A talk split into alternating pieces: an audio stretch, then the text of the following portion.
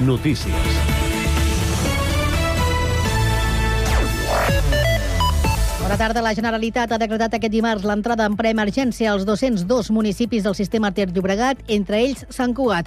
La mesura, que afecta 6 milions de persones, podria entrar en vigor entre dilluns i dimarts de la setmana vinent.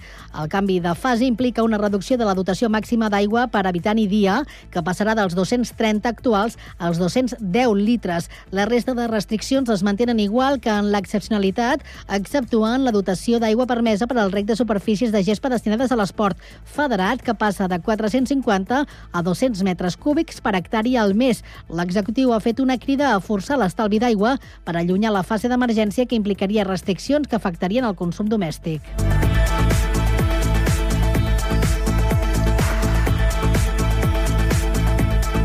El Servei d'Informació Municipal d'Atenció a les Dones, el CIAT, ha atès els primers nou mesos de l'any 140 dones per a una situació de violència masclista. Aquesta dada suposa un lleuger augment respecte al 2022, en què es van atendre 138 dones. El perfil de les dones ateses pel servei és un d'una dona de mitjana edat, amb fills, estudis superiors, feina remunerada i nacionalitat espanyola.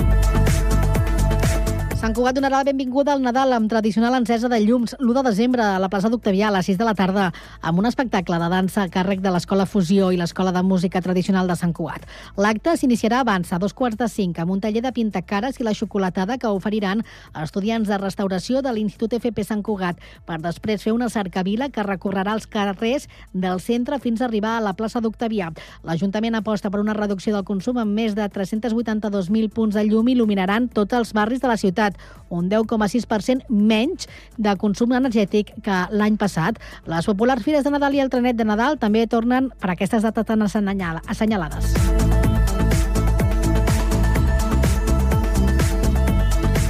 I la sisena edició del Partit de la Igualtat ha tornat a ser un clam contra la violència masclista.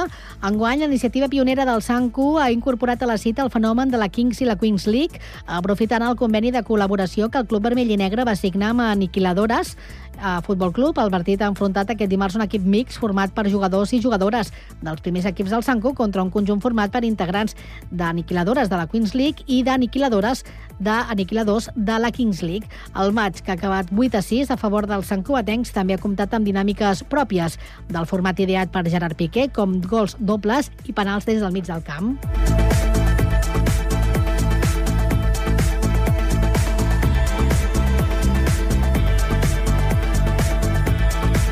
Cugat Mèdia, la informació de referència a Sant Cugat. Cugat Mèdia, la informació...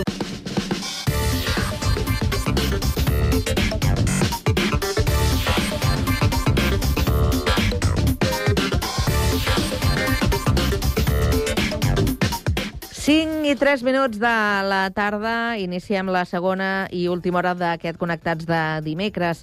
Anem amb la informació de servei. Comencem pel trànsit. Servei Català de Trànsit. Mireia Camats, bona tarda. Hola, bona tarda. A hores d'ara hi ha alguns problemes a la xarxa viària catalana. Ens comencem situant a l'autopista del Vallès. A la C58 hi ha retencions de Montcada i Reixac a Barcelona en sentit sud. A la C33 hi ha cua de la Llagosta Montcada en sentit Barcelona per un vehicle variat, un turisme que talla un carril. Per tant, precaució.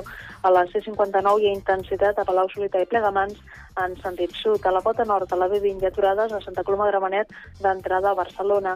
A l'AP7 hi ha intensitat a Montornès del Vallès en sentit Tarragona per un accident que ocupa el voral. També hi ha retencions a Barberà en sentit sud i retencions també a la mateixa AP7 de Sant Cugat al Papiol en sentit sud per un accident que talla un carril. A la B23 hi ha retencions de Molins de Rei al Papiol en sentit Martorell en sentit Girona. A la C32 Cues Plugues en sentit Barcelona. Un cop a Barcelona, a la ronda de la B20, hi ha retencions entre Esplugues i Horta en sentit Besòs, intensitat entre el Nus i Horta en sentit Llobregat. I a la ronda litoral, la B10, hi ha retencions de zona franca al port i de l'Ac de Roda al Nus en sentit Besòs i retencions de Sant Adrià a la Barceloneta en sentit Llobregat. És tot des del Servei Català de Trànsit. Bona tarda.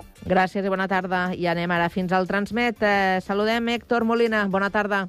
Doncs avui dimecres parlem de normalitat a la xarxa del transport públic de l'àrea metropolitana. Els principals operadors de transport no han informat de cap incidència, així que les diferents línies funcionen sense cap alteració destacable on es mantenen les freqüències i horaris habitual tant als serveis ferroviaris com de bus. De moment, això és tot des del Transmet.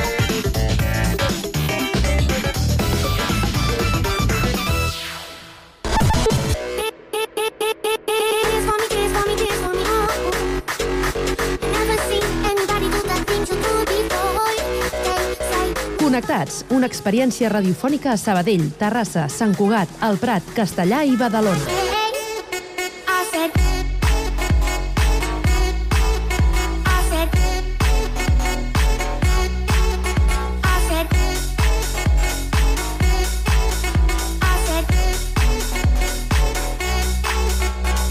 Connectats amb Carme Reverte.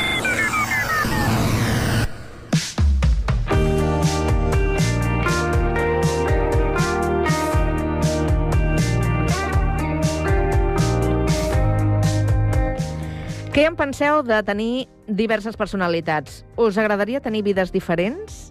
Que us anomenin amb distints noms, segons amb qui esteu, el lloc on sou o el que esteu fent? Això és el que li passa a la nostra següent convidada, que ha anat fins a Ràdio Sabadell per, per explicar-nos-ho. Pau Duran, bona tarda. Bona tarda, doncs ja la tenim asseguda a l'estudi i clar, l'anava a saludar, però primer vaig a pensar una mica quin nom li dic. Eh, quin nom vols que et digui? Doncs jo crec que em pots dir pel meu, si vols. Em dic Esther, en realitat, vale? És el... Esther Pasqual, bona tarda. bona tarda. Eh, clar, perquè segons com es busca, tu a vegades uno pot dir he estat buscant allò teu i no ho he trobat. Clar, és que no buscava el nom correcte. No, no, clar, normal, normal. A vegades em passa amb companys de feina o gent, sí, t'he buscat, no ho trobo. I llavors les dic, no, pseudònim. I llavors els dic Amanda Clark, que és el pseudònim que més utilitzo normalment. Amanda Clark és el que estàs fent ara les presentacions per aquest El Tesoro de los Romanov que tenim aquí sobre de la taula. Com, com t'està anant el feedback aquest d'anar explicant la teva obra? Doncs molt bé, la veritat. Vaig fer una presentació a la llar del llibre la... fa un parell de setmanes i la veritat que superbé, no m'ho esperava. Pensava que vindria en plan els meus pares i el meu marit i els nens, no? En plan, vinga, va, anem a fer una mica de pinya. Però no, no, va venir molta gent, gent que no coneixia de res, es van portar un munt de llibres, o sigui, superbé, eh, molt contenta en aquest sentit i la gent que l'ha llegit de moment li ha agradat molt, o sigui, molt bé. Et dic coses que m'han dit a mi? Vinga, va. Una persona que va venir a la presentació m'ha dit el vaig comprar, eh, vaig veure el totxo com dient allò, ui, sembla gruixut per lo que jo llegeixo habitualment, i en menys de dos dies se'l va fulminar. Sí, que bé, no? No vegis, molt bé, molt bé. Sí, m'ho han dit, eh, que enganxa, enganxa, però bueno, clar, jo què he de dir, no? L'he escrit jo, però en principi la gent em diu això, que enganxa molt, que és molt fàcil de llegir, que no és allò típic barroco, no? No, és un llenguatge senzill, eh, proper, i jo crec que és fàcil de llegir, en aquest sentit. No és el teu primer llibre i suposo que tu en això hi comptes, no? Suposo que fas com aquella estructura de dir, bé, jo sé que això la gent ho veurà gran, que té teca, però que es anirà enganxant, enganxant i s'accelerarà al final de la lectura, sí, no? Sí, sí, sí. Eh, és el, crec que aquest és el dècim que, que publico, o sigui, són, són uns quants, i llavors, clar, de, bueno, amb cadascun vas aprenent noves experiències, noves eh, coses que aprofites pel següent, i, clar, mm, llavors ara tinc molt clar com fer l'estructura perquè no em deixi cap mm, cosa sense lligar, no? Llavors em faig com una escaleta que es diu i em, em proposo pues, a cada capítol el que ha de passar, el que no ha de passar i, bueno, trama una mica tots els personatges, com funcionen i d'aquesta manera doncs anar enganxant una mica el lector des del, des del primer moment, perquè si t'enrotlles massa potser la gent és com, uh, quin rotllo. Llavors és això. Dius que en portes una desena, però clar, aquí una mica mm, cal saber el gènere i amb qui el publiques. Aquest, per exemple, està amb Valhalla Ediciones, a més en la secció de històrica. Sí, sí, sí.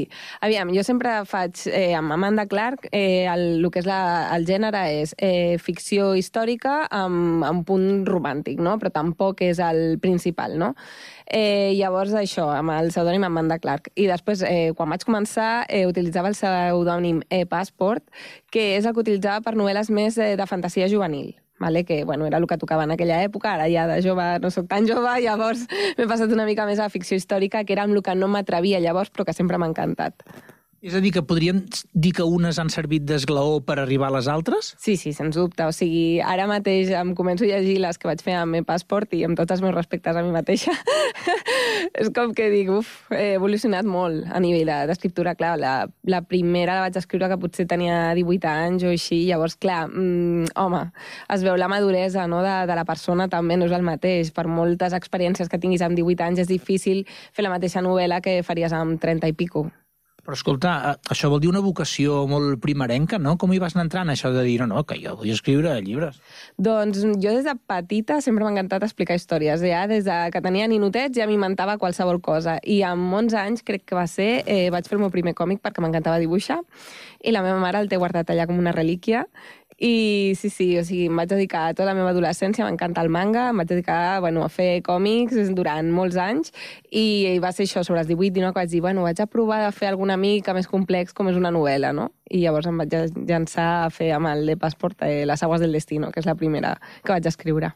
I mm, dibuixar? Has continuat dibuixant, també? Doncs la veritat és que això ho he anat perdent. O sigui, quan vaig començar el tema de novel·la, eh, jo no sé si és perquè potser el que necessitava era treure la història i no tant el dibuix, o potser és el fet de que durant l'adolescència connectes més amb les teves emocions i necessites treure-ho d'alguna manera, i ho treia dibuixant. Ara mateix, amb tot el que tinc, nens, feina, els llibres i tal, no tinc temps per, per dibuixar, però bueno, el dia de demà no ho descarto de, de tornar-hi. Potser a vegades he pensat, oi, pues estaria a fer un conte, no?, pels meus fills perquè llegeixin, un conte amb il·lustracions i tal. Però ja et dic, de moment no m'hi veig amb cor a nivell de temps i de tècnica i de tot.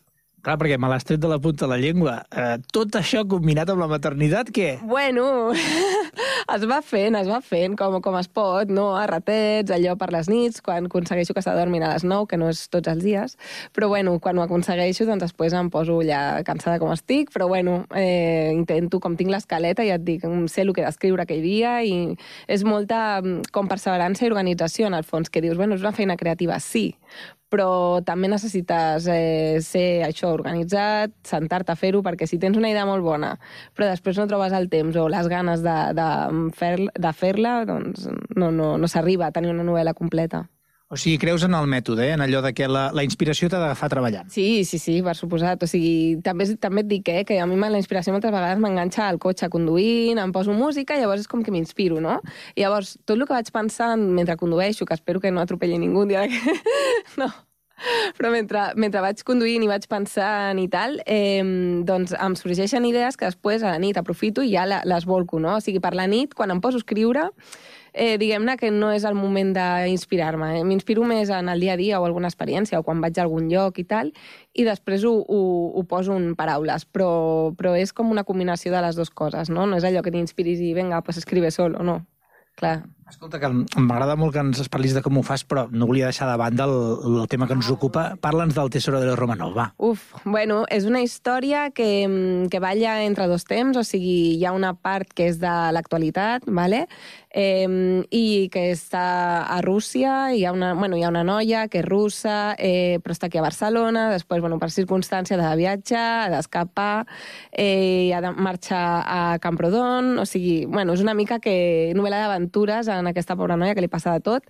I després hi ha la part del passat, que és a l'època dels últims SARS de Rússia, i, bueno, és una mica la història d'una noia que va entrar a la, a la cort corte, com en català. Sí, sí, a la cort i tant. A la corte, d'allà dels últims SARS, i llavors és, bueno, és una noia que vol estudiar medicina, llavors també hi ha una mica la lluita d'ella per intentar aconseguir el seu somni de ser metgessa en una època i en una societat que era difícil aconseguir alguna així. I tot això com et va venir? Doncs, bueno, tenia... Pues, amb els meus pares vaig anar de viatge a Rússia quan tenia uns 15 anys i em va impactar moltíssim la història de, del Romanov i, i bueno, se'm va quedar allà com guardadeta. No? En aquell moment no m'atrevia a escriure alguna tan així, tan, bueno, amb punts històrics perquè no m'hi veia en cor, no tenia ni la tècnica, ni els coneixements, ni la manera de buscar tanta informació. Eh, llavors m'ha calgut fer unes quantes altres novel·les abans per poder arribar a atrevir-me a fer aquesta. Llavors, bueno, és una semillita que he tingut allà sempre guardada. Per tant, corrobores que això passa, no? Que a vegades tens la idea o el contingut que voldries explicar, però mm, encara necessites trobar el, el com, no? La tècnica. Exacte, sí. O sigui, tu tens allà una història que t'apassiona i tal, però no veus com lligar-ho amb una època actual o com, com fer-ho o com, com no t'atreveixes o tens pors. I llavors, amb, amb el temps, doncs, vas trobant la maduresa, les eines i tal, i llavors et surt tot. Tu que ja em portes una desena, mm, això de publicar eh, et, et fan cas, és senzill, has d'anar amb la cosa ja acabada, com aconsegueixes seduir algú perquè et digui, vinga, va, endavant? Eh, doncs és molt complicat, vale? és un món que és molt tancat, eh, les editorials grans costa moltíssim entrar. Eh, de fet, o sigui, la majoria són gent coneguda o que té molts seguidors a Instagram, o sigui, has de tenir molta gent darrere, molts contactes i, i o ha de ser boníssim, que, a veure, sin quitar-me méritos, eh? tampoc sé aquí un premi Nobel i llavors, clar, entrar una gran és complicat, o sigui, o ets boníssim, boníssim, o a vegades els que són més normalets doncs costa no? rascar. Eh, llavors hi ha editorials més petites o mitjanes, com pot ser la Valhalla, que és la que, que m'ha tret aquesta novel·la, eh, doncs que opten més per, per autors que, que tenen qualitat però no són coneguts i que tenen històries xules i diuen, doncs pues vinga, va, apostem per ells. Llavors, en aquest sentit, molt bé l'editorial, perquè bueno, et fa una edició supermaca, no sé si, si l'heu pogut veure, però és un, molt cuidada, eh, té uns detalls de disseny molt xulos, i llavors, en aquest sentit, molt bé. Què prefereixes? La gent que et segueix perquè ja una mica identifica allò la teva ploma, de dir, ai, mira, jo faci romàntica, històrica i tal, el que digui l'Ester, o eh, la gent de, de gènere de dir, ostres, jo això de la històrica i en ficció i tal, i si és Amanda Clark, doncs vinga, pelante. Doncs, home, sempre fa il·lusió que algú s'hagi llegit totes les teves novel·les. A vegades m'hi trobo, no?, que, que et deixen comentaris, en plan, és la segona que me leo, m'encanta, no sé què, i dic, oi, que bé, no? O sigui, jo crec que això de fer el lector feliç i que entretenir-lo i que li agradi la teva ploma, doncs, per mi és, és genial, no? Llavors, eh, com sóc una mica de barrejar gèneres, no sóc molt de dir, vinga, va, és ficció històrica pura, saps? O sigui, no, no és cap gènere pur com a tal, tampoc és romàntica pura. Llavors, eh, això, prefereixo gent que, que senti còmode la meva manera d'escriure i amb el meu tipus de novel·la, que no potser anar en un gènere en concret que potser els acabaré decepcionant. Saps el que et dic? Perquè, clar, si busques alguna molt concret, potser no ho trobes, trobes a les meves novel·les, sinó que és una mica barreja, híbrida entre, entre diversos gèneres. Però llavors mm, tu notes que t'intenten reclutar a vegades de dir, mira, festivals d'aquest tipus de gènere o trobades d'aquesta mena d'escriptors? Doncs de moment no m'ha passat. O sigui, normalment quan, quan m'he mogut és... Eh, per exemple, m'han contactat una associació que des d'aquí el saludo, que es diu... Eh, bueno, està molt bé. Eh, llavors ens van venir a la presentació i, i ens, bueno, em van dir tenim aquesta associació per promo promoure novel·les, eh, tant siguin autopublicades com com a editorial, o sigui, el gènere tant els hi fa, està molt bé perquè és gent de Sabadell. Llavors està, està xulo en aquest sentit i de moment no m'ha dit ningú no, ves més cap a aquest gènere o cap a l'altre. Tampoc em sortiria. Sí que una mica vas per lliure, mai millor dit, eh? Sí, la veritat és que sí, perquè és algo que faig perquè m'agrada, no perquè, mm, no sé, ni, ni, ni m'he de guanyar la vida ni res, és algo que faig perquè m'encanta i no vull contentar ningú, saps? Que, o sigui, el meu lector sí, però la resta m'és igual, saps? És com faré el que, el que m'agradi a mi, als meus lectors, i, um, i m'intento mantenir fidel a el que a mi m'agradaria llegir, que és la... Clar, està bé per això, perquè a vegades eh, el somni és allò, no?, mm, que, que la meva feina sigui l'escriptura, però a la vegada, d'alguna manera, t'hi esclavitza també, no? Sí, això sempre és un dubte que he tingut, eh? Si em diguessin, mira, eh, el mateix sou que guanyes treballant, el podries guanyar cada mes amb escriptura, potser sí que m'hi dedicaria, però clar, quan converteixes la teva passió, la teva feina, constantment 8 hores al dia, no ho tinc tan clar que m'acabi sent una passió o sigui una pesadilla, no ho sé. Perquè, clar, jo escric com per evadir-me, però no et pots evadir 8 hores al dia, no ho sé. No ho sé, és un, és un dubte que tinc, de moment. Ja m'ho diràs més endavant. Va, no vull acabar l'entrevista sense demanar-te una cançó que sigui especial per tu. Vale, doncs eh, crec que la de Moonlight Sonata eh, és, és música clàssica, eh, m'inspira, m'agrada molt posar-me música clàssica quan escric i aquesta especialment crec que em fa florar totes les paraules de, de lo que veig, de lo que sento i és una manera de, de posar per escrit el, bueno, els sentiments, no? Esther Amanda, gràcies per venir connectats. Pues moltes gràcies a vosaltres per, per fer-me venir i estic encantada d'estar aquí. Muchas gracias.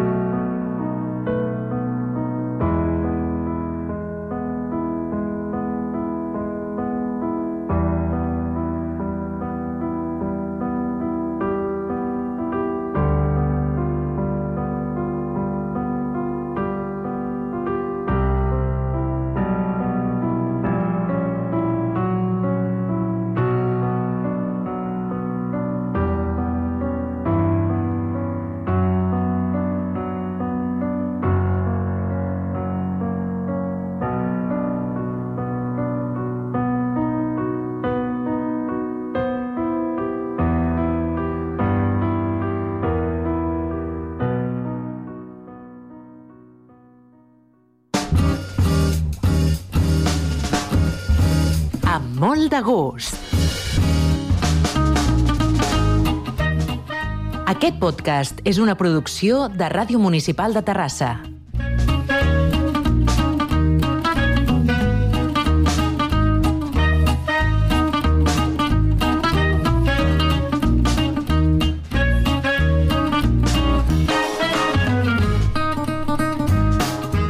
Les festes de Nadal arriba també tota la tradició culinària. El xef terrassenc Sergi Martínez Anglès ens porta una sèrie de recomanacions perquè tot funcioni a la perfecció. Endavant, Sergi Estapé. Falta poc més d'un mes perquè arribin les celebracions de Nadal, on la gastronomia adquireix una rellevància evident. Estem amb el Sergi Martínez Anglès, xef terrassenc dels restaurants El Cel de les Oques i del Vapor Gastronòmic, perquè ens doni algun consell per aquestes elaboracions. Sergi, mm, és, el Nadal és eminentment gastronòmic, no? sense voler, però ho és així, no? Sí, la nostra cultura és la de seure al voltant d'una taula i celebrar amb la família aquests moments tan especials, no? Uh, potser el dia de Nadal amb l'escudella, la carn d'olla és el, no sé, no sé si dir el plat estrella o almenys és un dels més rellevants.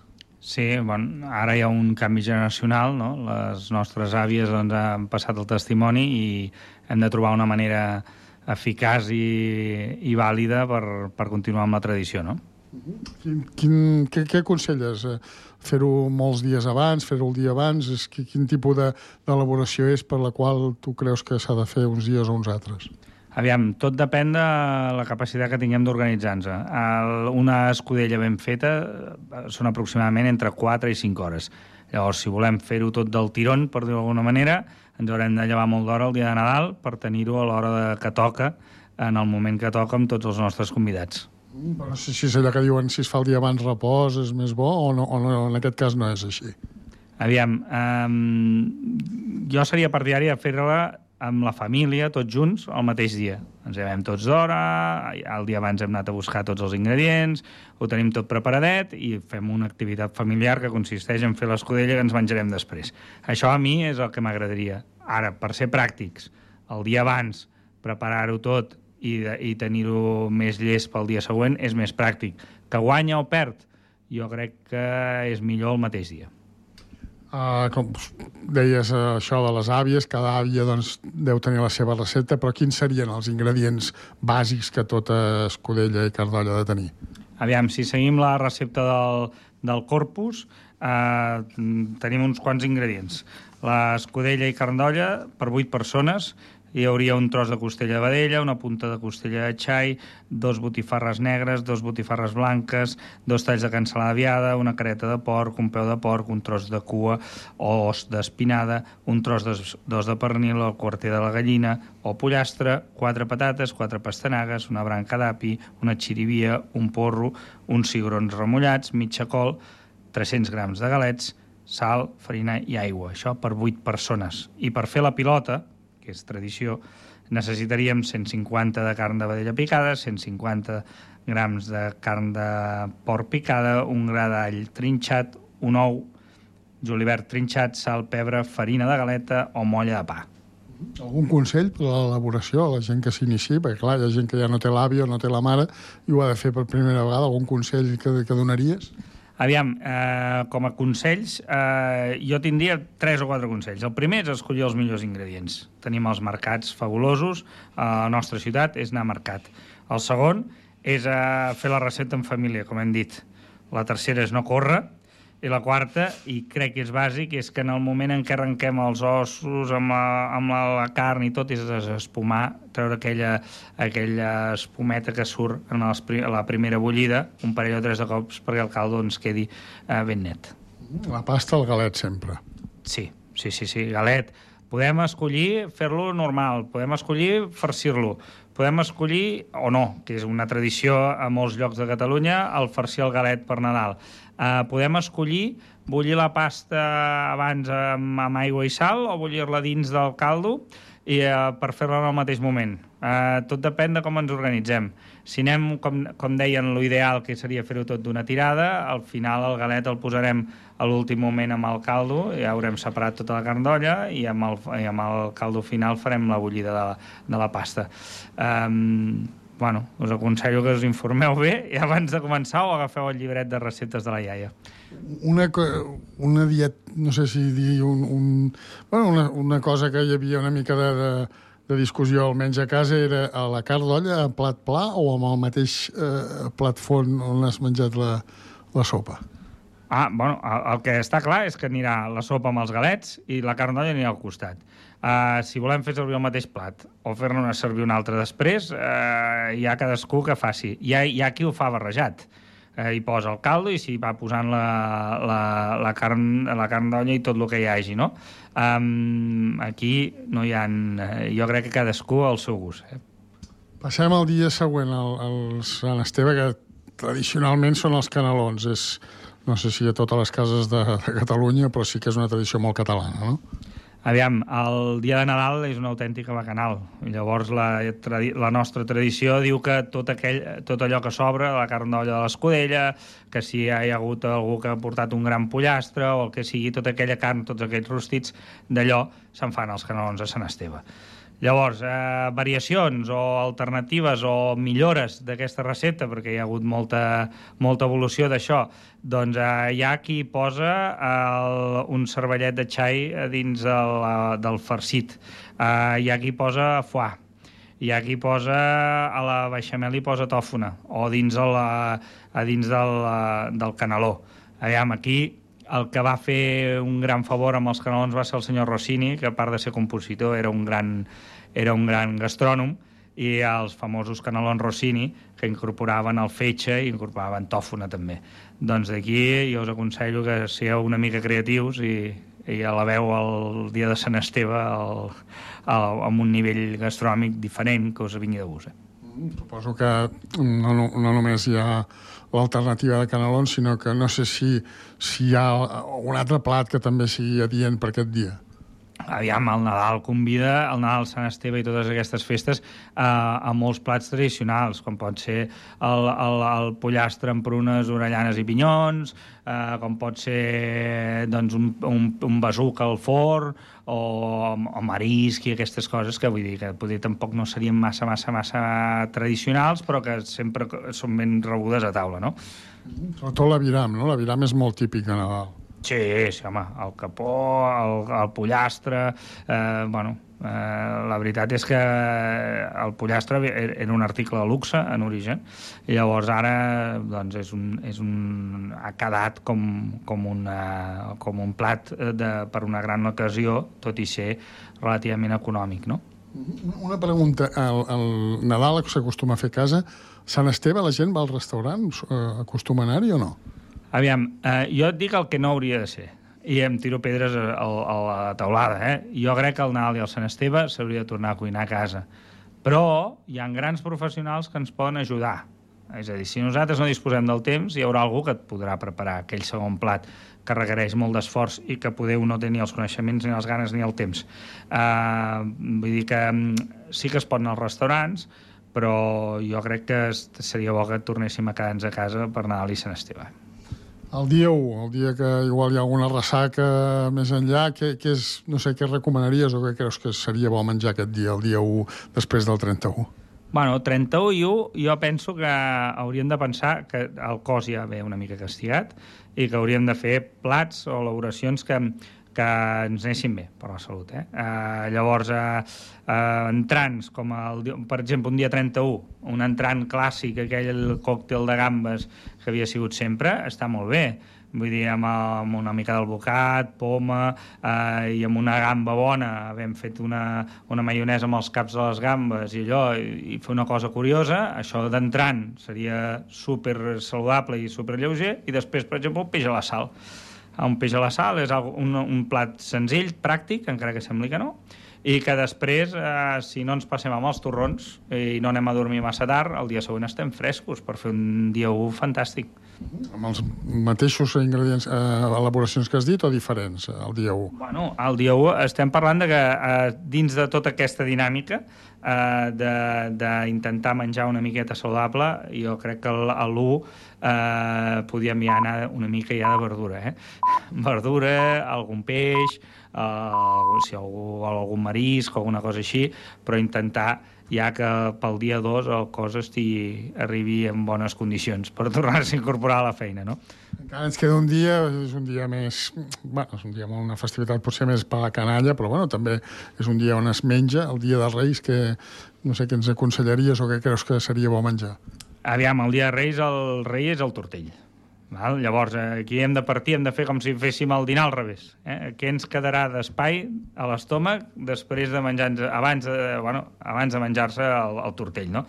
Jo apostaria, eh, ja fa fred, hauria de fer fred, eh, per una sopa de ceba, per exemple, eh, és un plat tradicional i de molta qualitat, i després, per exemple, un pollastre rostit amb prunes, orellanes i pinyons, eh, aquests dos, aquest combo de, de, de dos platillos ens deixarà bé per poder fer un bon tortell i una bona sobretaula. Tortell de què? Perquè ja, també aquí hi ha discussions. Hi ha gent que vol crema, hi ha gent que vol nata, hi ha gent que vol trufa... Aviam, eh, el de fruita, el de fruita és el, per mi és, és el més tradicional, el, el que té massa pa i incorpora doncs, tot la, el joc de la fava i del rei i de tot. Eh, els altres que venen farcits o menys farcits, no sé, aquí eh, jo aniria pel tradicional. Si algú vol nata, crema o, o trufa, eh, doncs fantàstic. Si el cos ho aguanta, eh, jo cada cop dic que, que, que, els, eh, que som més delicadets tots i que hem de mirar de, de mesurar el que mengem i el que fem. Eh? Has parlat abans dels torrons, són els típics eh, postres, però bueno, també hi ha les neules, hi ha el massapà i tal. Suposo que la recomanació d'un xef com tu seria que el més natural possible, no, no, no sinó producte una mica industrial, potser no, no? Bueno, tenim grans artesans eh, a la ciutat, vull dir que, bueno, i arreu de Catalunya, que fan uns torrons meravellosos. Els torrons són com els... No diria que són com els nous bombons de, de, de, de, del segle aquest que ve, però sí que ens, en, ens estem trobant, eh, quan anem per Barcelona o grans ciutats, que hi ha autèntiques botics dels torrons que es venen al llarg de tot l'any, no? Vull dir, penso que és una, un tipus de reposteria tradicional nostra que té moltíssima qualitat i que si busquem l'artesà que, la, que la fa bé podem gaudir d'un premi meravellós per Nadal, eh? que són uns grans torrons, unes grans neules i que hem d'apostar una miqueta pel, per l'artesà local. Doncs Sergi Martínez Anglès, eh, xef de Terrassa, dels restaurants El Cel de les Oques i del Vapor Gastronòmic, del carrer de la Palla els dos. Si no hi heu vingut, no sé què esteu trigant a venir. Moltes gràcies per aquests consells i que, bueno, bona cuina, que es deia abans, no? Sí, no, home, que ho gaudim molt i això, i, intentar mesurar l'esforç. El Nadal és com una marató i si correm molt al principi no arribem al final i si al final fem l'esprint poder gripem. És a dir, que molta salut, intentar fer les coses bé i gaudir molt de la gastronomia. Així sigui.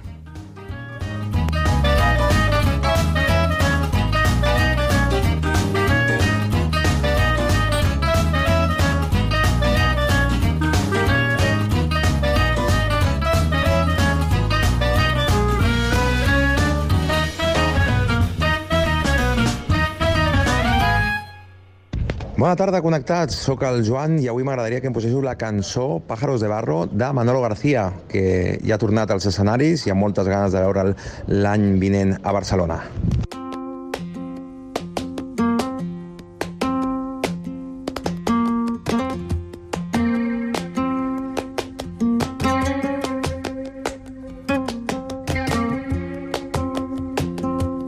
Por si el tiempo me arrastra a playas desiertas. Hoy cierro yo el libro de las horas muertas. Hago pájaros de barro. Hago pájaros de barro y los echo a volar. Si el tiempo me arrastra a playas desiertas. Hoy rechazo la bajeza, el abandono y la pena. Ni una página en blanco más. Siento el asombro de un transeúnte 自由。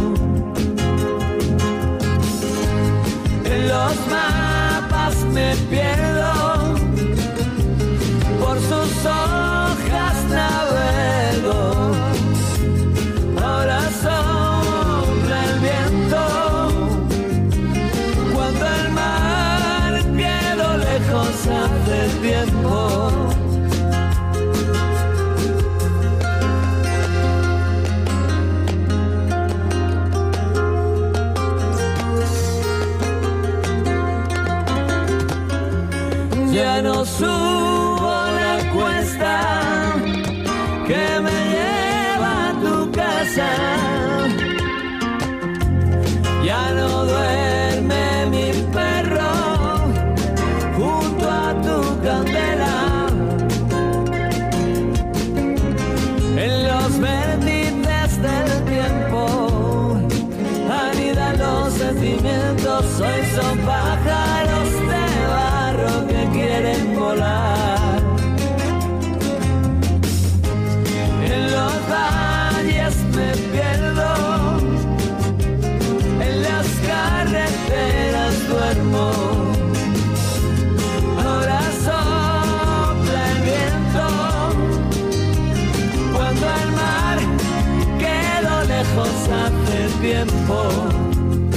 Cuando no tengo barca, remos ni guitarra.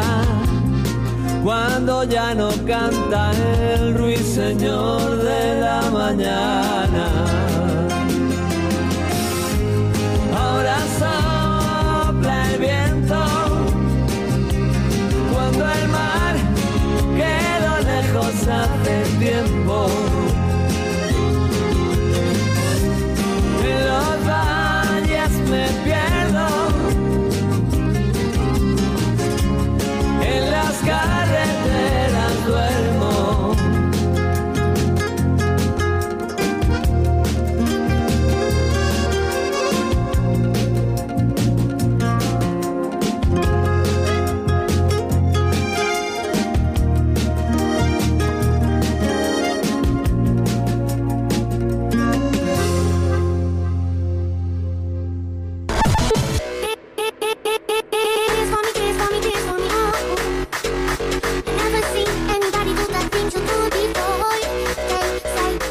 Connectats, una experiència radiofònica a Sabadell, Terrassa, Sant Cugat, El Prat, Castellà i Badalona.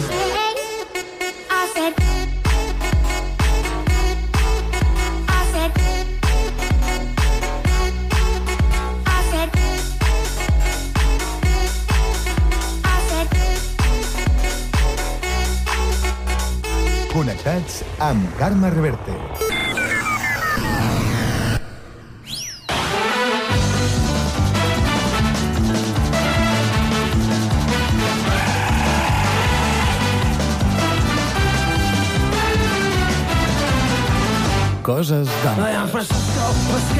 Efectivament, últim tram del programa d'aquest dimecres i, com sabeu, a aquesta hora doncs, ens agrada una miqueta d'entreteniment, tot recordant el passat i recordant figures de- d'anys enrere. Avui és el torn del actor, humorista, director Fernando Esteso, que sempre, els que el coneixeu, mmm, normalment ha anat lligat a l'altra l'altra part de, de, de la parella. Um, sí, home, aquell. A veure si surt avui, a veure si ens ho expliquen l'Oriol Carreras i el Sergi Estapé. Fernando Esteso i l'altre era Pajares? Hola. Hola. Aquí deies hola? Hola. Hola. A tu. Sí. És que no em dius hola. Estem davant. Ah. Què, Què tal? tal? Bona tarda. Avui anuncis també o ja ho hem matat, això? No, de la no. Saps què em van dir un dia? Que hi ha gent que ens escolta, ho saps, això, no? Bueno, Perquè la ràdio alguns. té això. Que... Alguns, eh? No tots. Uh, em van dir que semblem com els pallassos. Uh, saps allò, el, el llest i el- l'altre? I el tonto sóc jo. No, al revés. Seria al revés. Saps? Que tu poses com seny Ah, vols dir? i l'altre. Estàs segur que Però, ja poses, llavors hi ha un eh? tercer, eh? Ja. A veure. Perquè aquí som tres. No, aviam, no em miris amunt. Som tres. Som tres. En Jordi Rueda, el control vist. Això que no el presentes mai. El Jordi Rueda la és el Carme tècnic d'aquí de Reverte, que. Que estic està aquí. a Sant Cugat. Mhm. Hola, Carme. Hola. En- Endavant. Comencem la Doncs comencem a una edició més de Coses d'Antes, que avui sembla ser que ens estalviarem els anuncis I de la dale, publicitat. i dale. De qui parlarem avui, doncs? Doncs mira, parlarem uh, d'una persona molt actual. No, això és per donar-li una mica de... Fernando Esteso. El detergente para la No, lavadora. no, que no, anuncis no, no. no. Fernando Esteso? Fernando Esteso. Endavant. Fernando Esteso, Fernando Esteso, Fernando Esteso.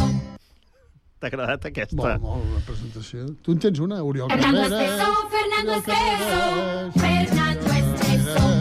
Això que vagi sonant a mesura que... Quan Fernando digues... Esteso, No, Fernando. Esteso, És que, clar, Fernando Esteso. Ja l'has vessat. és donar- és donar-li la joguina al Jordi i ja... Clar, home. Quan diguem Fernando Esteso... Fernando Esteso, Ara. Fernando Esteso, Fernando Esteso. Vale, doncs cada cop que diguem el seu nom, sonarà això. Pels que no saben qui, qui és... De qui parlem avui? Ferran, Ferran Estès.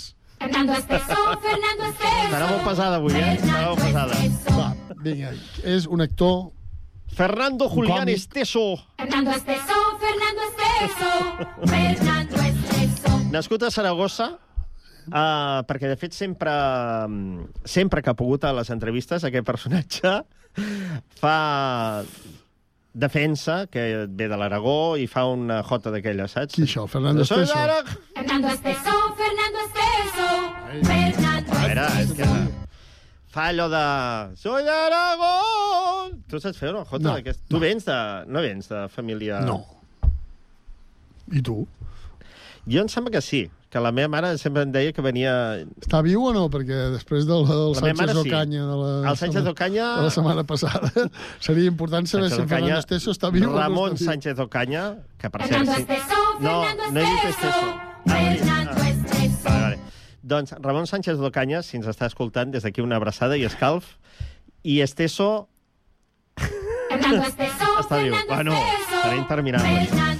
Bueno, Fernando Esteso... No, no. Eh? Fernando Esteso, Fernando Esteso, Va començar, va començar molt jove a treballar al damunt dels escenaris. Allà a Saragossa. Sí, allà a Saragossa. Perquè eh, abans es donava molt això, i sobretot en pobles, doncs eh, aquestes companyies ambulants no, que anaven pels pobles i, i llavors, clar, si els pares ja es dedicaven al tema de, de la faràndula, doncs agafaven els nanos allà, vinga, va, vinga, a bailar, tal, i, ah, vinga, a, a dar-le palmades. I el, aquest personatge, doncs, ja, ja pujava al damunt del del de escenari. palmades? Bueno, De, de jo no, palmades. jo no hi era, jo no hi Va. era. Aleshores, uh, va començar així d'aquesta manera, uh, a cantar, a pujar a l'escenari, bla, bla, bla, bla, bla, fins que va venir el moment de- d'imitacions. Va haver-hi un boom a finals dels 60, principis dels 70, por ahí, que la gent, eh, sobretot els humoristes, es pensaven que sabien imitar. Llavors, jo, és que em surt el, el nom, eh? No, no. No el Aquest- dic, no aquest dic. senyor- Aquest senyor, doncs, eh, li agrada imitar. A Fernando Esteso. Eh? Ara l'has enganxat. Fernando Esteso, Fernando Esteso, Fernando. I també a cantar, com deia, no? I es va fer molt popular una cançó que es deia Bellotero. Sí, senyor. Fins i tot un estil de música que no va, no va tirar endavant, que era el Bellotero pop. Vinga, som-hi.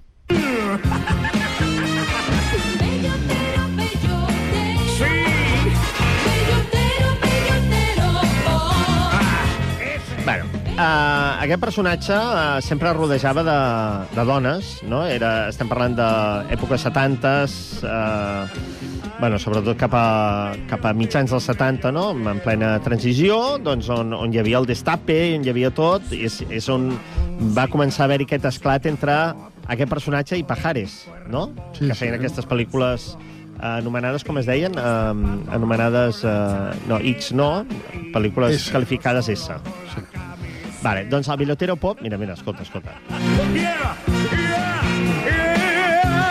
La, la lletra no, no dona molt de sí. Era una producció del, uh, del Corrao de la Pacheca, com es deia? El... Lauren Postigo. Lauren Postigo. Aquesta i la Ramona, que l'escoltarem més endavant. Doncs eren producció de Lauren Postigo. O sigui, la lletra d'aquesta cançó era de Lauren Postigo. Ah. Que era un personatge folclòric Sí, sí, que sí. presentava un programa, es deia Coral de la Pacheca, que feia entrevistes a folclòrics, no? I en aquest cas era el compositor d'Esteso. Molt bé. Bueno, com deia, imitacions d'Esteso. Uh, Fernando Esteso, Fernando Esteso, Ah. Fernando Esteso. a veure, imitacions. Tu que saps imitar? No, jo no. Sí, que saps imitar, sí. Tu més. No, ja veuràs. Uh, Julio Iglesias. No ho sé. No saps imitar? Ah! Ja. Ah! Sempre feu... Ja. Panya! I sí que, sí que, no? que parla Sí, així. sí. Doncs, atenció, Esteso. No, no, digo que Aquest és Julio Iglesias. podías cantar algo mío, por ejemplo. No sabes el peso que me quitaron de encima. ¿Y qué canto? Bueno, pues podías cantar, por ejemplo, tiré tu pañuelo al río para... Ay, eh? precisamente eh, vengo preparado con esto, ¿te vale? Quina gràcia, eh? Tiré tu pañuelo al río Aquest és Julio Iglesias. para mirarlo como se... Cantava bé, eh, de jove. Ara Esteso. Era el último recuerdo de tu cariño que yo tenía. Tu creus que s'assembla? No. Ah, que no? Se fue yendo Perquè, aviam, i, er, i eren així les imitacions amor, Un dia, si vols, el un, un especial d'imitacions. Bueno, em prego, em prego que... Les sintonies. Mira, mira. Aquest és ell, eh? Imitant a Julio Iglesias. que nunca jamás És que no, no s'assembla per res. Però la gent l'aplaudia i deia, sí, sí, imita Oh, Julio. Iglesias. Oh, Que bien lo haces, FE. També feia... també feia fe, fe. Fe, que bien lo haces. També feia l'imitació d'un personatge, d'un cantant aleshores molt conegut, Luis Aguilé. Amb un hit que és el... Aparte de esto, La vida pasa felizmente si hay amor. La vida pasa felizmente si hay amor. Tengo una cara No l'imita bé, no l'imita bé. fenomenal. Aquest és Aguilé. Muy mal, FE. Como la envidia Sí. cuando llega el carnaval. No, no, no. la gracia, yo. Yo tampoco. No, no. Cállate ja. Cállate. Sí, cállate. Hay Bueno, quan ho va empatar realment eh, el Fe i el Pajares va ser amb una pel·lícula que doncs, encara ara se'n parla se'n parla a racons i a llocs molt estrets i molt petits. Los Vingueros. Los vingueros, sí, sí. Los Vingueros. A veure si hi surten. Oiga, este bolígrafo no pinta. Ya, ya tacha uno. ¿Ya? 16, Pero un momento, yo no estaba preparado. 62, 62, 89. Oiga, ¿ha dicho 62 o 72? Pel·lícula protagonitzada per Fe i Pajares, eh, on hi ha molt destape, sí, sí. hi ha moltes boles del bingo, i surt Antonio Zores, també, i ja està. No, no té més, aquesta pel·lícula. Tu l'has vista? No. Perquè molta gent diu, oh, sí, los vingueros, oh, sí. L'has vista, Garrulo? Aquesta i jo No. hice a Roque Tercero. Sí, sí, també, també, una altra, una altra. Tenim un trosset, eh? Bueno, és igual. Que... Petar, aquesta. Jo una vegada vaig fer un viatge, eh, quan es treballava al Terrassa Sí, de futbol. és, és una anècdota. Un viatge així cap al sud, eh, anàvem a jugar a Alacant, doncs em van Tu posar... jugaves? No, jo era, Ah. jo era delegat i cap de premsa. Ah, I em van eh? posar aquesta pel·lícula. Eh? De quin equip? Del Terrassa, ja ho he dit. Ah. Em van posar aquesta pel·lícula. Tu imagina't anant cap a... Rocky Tercero? Jo hice a Tercero. Què I els jugadors no? reien, eh? Sí, és que és, és un humor, eh, deixem-ho dir així, torrente. Tot i que... To... Torrente. No? Xerita, xerita. És el tipus de broma una mica torrente, una mica torrente, no? Perquè ara hi haurà gent que diu no, torrente fa riure més. Que no... És una mica aquest estil, sí o no? Una mica Torre- xabacà, torren- torrentós, torrenteja, torrenteja. torrenteja, sí, sí, sí. Vale, doncs, uh, atenció, uh, fer, ha fet més coses, eh? Mira, escolta. Pero el cante que hay que rajar por derecho, lo que sale por esta boquita que no se va a aguantar. Això era una, una broma molt recurrent de fer, que es feia al flamenco, saps? Mira, mira. Recuerdo ahora mismito que feien molt els humoristes aleshores, feien la broma, còmics més aviat Antonio còmics, feien la broma i després s'arrencaven a cantar per omplir. Saps que és una cosa que podria fer jo aquí? Ah, molt bé. De dir, mira, mira, canta bé, eh? Pasé como El un rayillo, lola, lola, lero, la, lola, lolera, Fa gràcia, eh? El fer? Bueno, en fi. És que no, no hi ha més, eh, del fer. Tinc una imitació més del, del fer amb, fent de Tom Jones. T'interessa? Va, escoltem-ho, va. Però, però fent de Fernando Tom... Esteso, volies dir, eh? Eh? Fernando Esteso. Fernando Esteso, Fernando Esteso, Fernando M'he Esteso. recordat, ara. Bueno, va. la gracieta. Bueno, va, Tom Jones, va. Escolta. Tot clavat, eh? I saw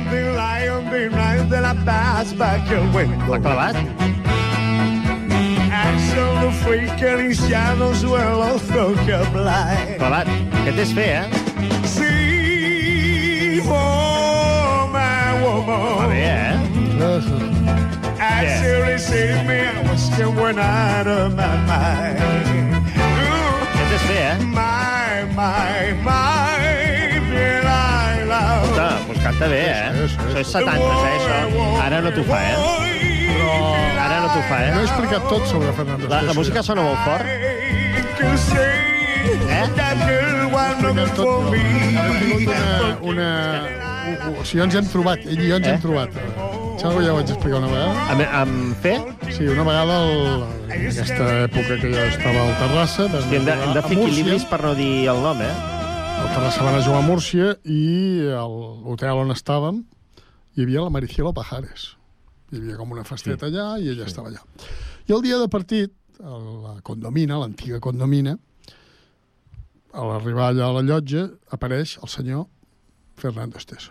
Fernando Esteso, Fernando Esteso. A la llotja del ciutat de Múrcia, ciutat de Múrcia, sigui, a la llotja, Terrassa. a la llotja hi havia Maricielo Pajares? No, a Maricielo Pajares ens la vam trobar a l'hotel.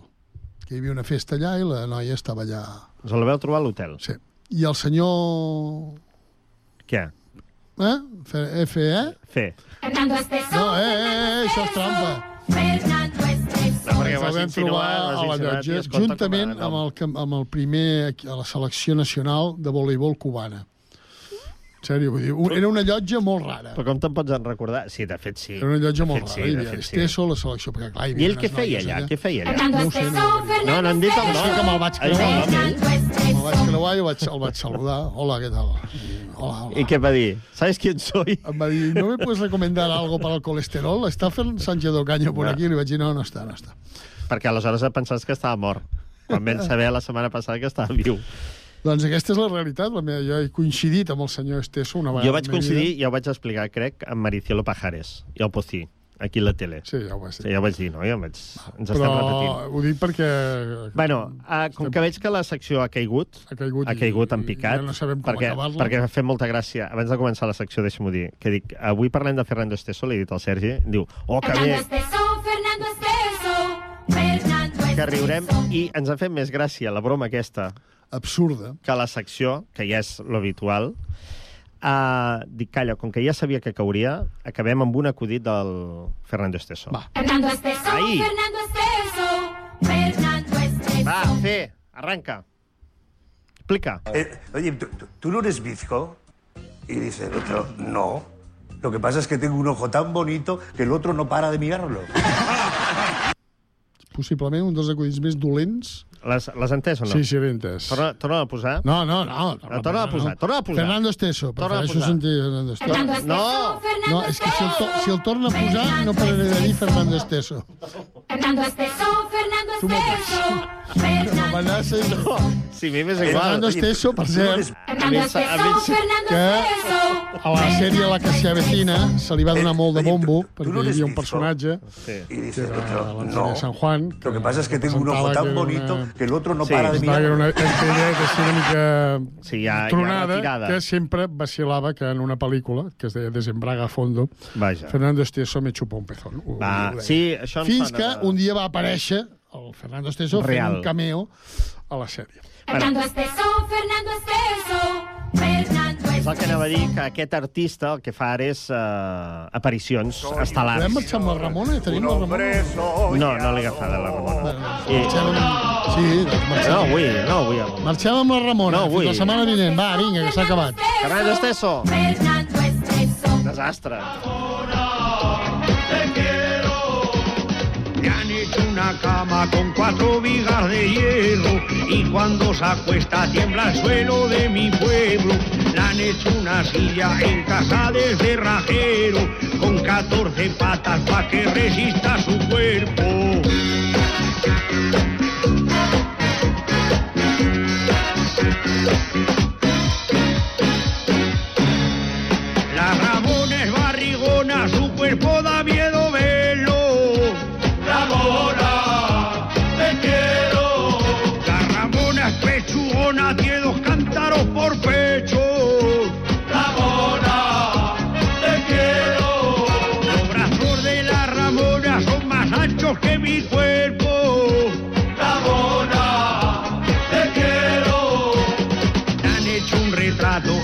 casa del retratero. Como era tan gorda, sola salió medio cuerpo. Se ha comprado un vestido colorado de terciopelo, hecho de volantes con cien capas de torero. ¡Ay, Ramona!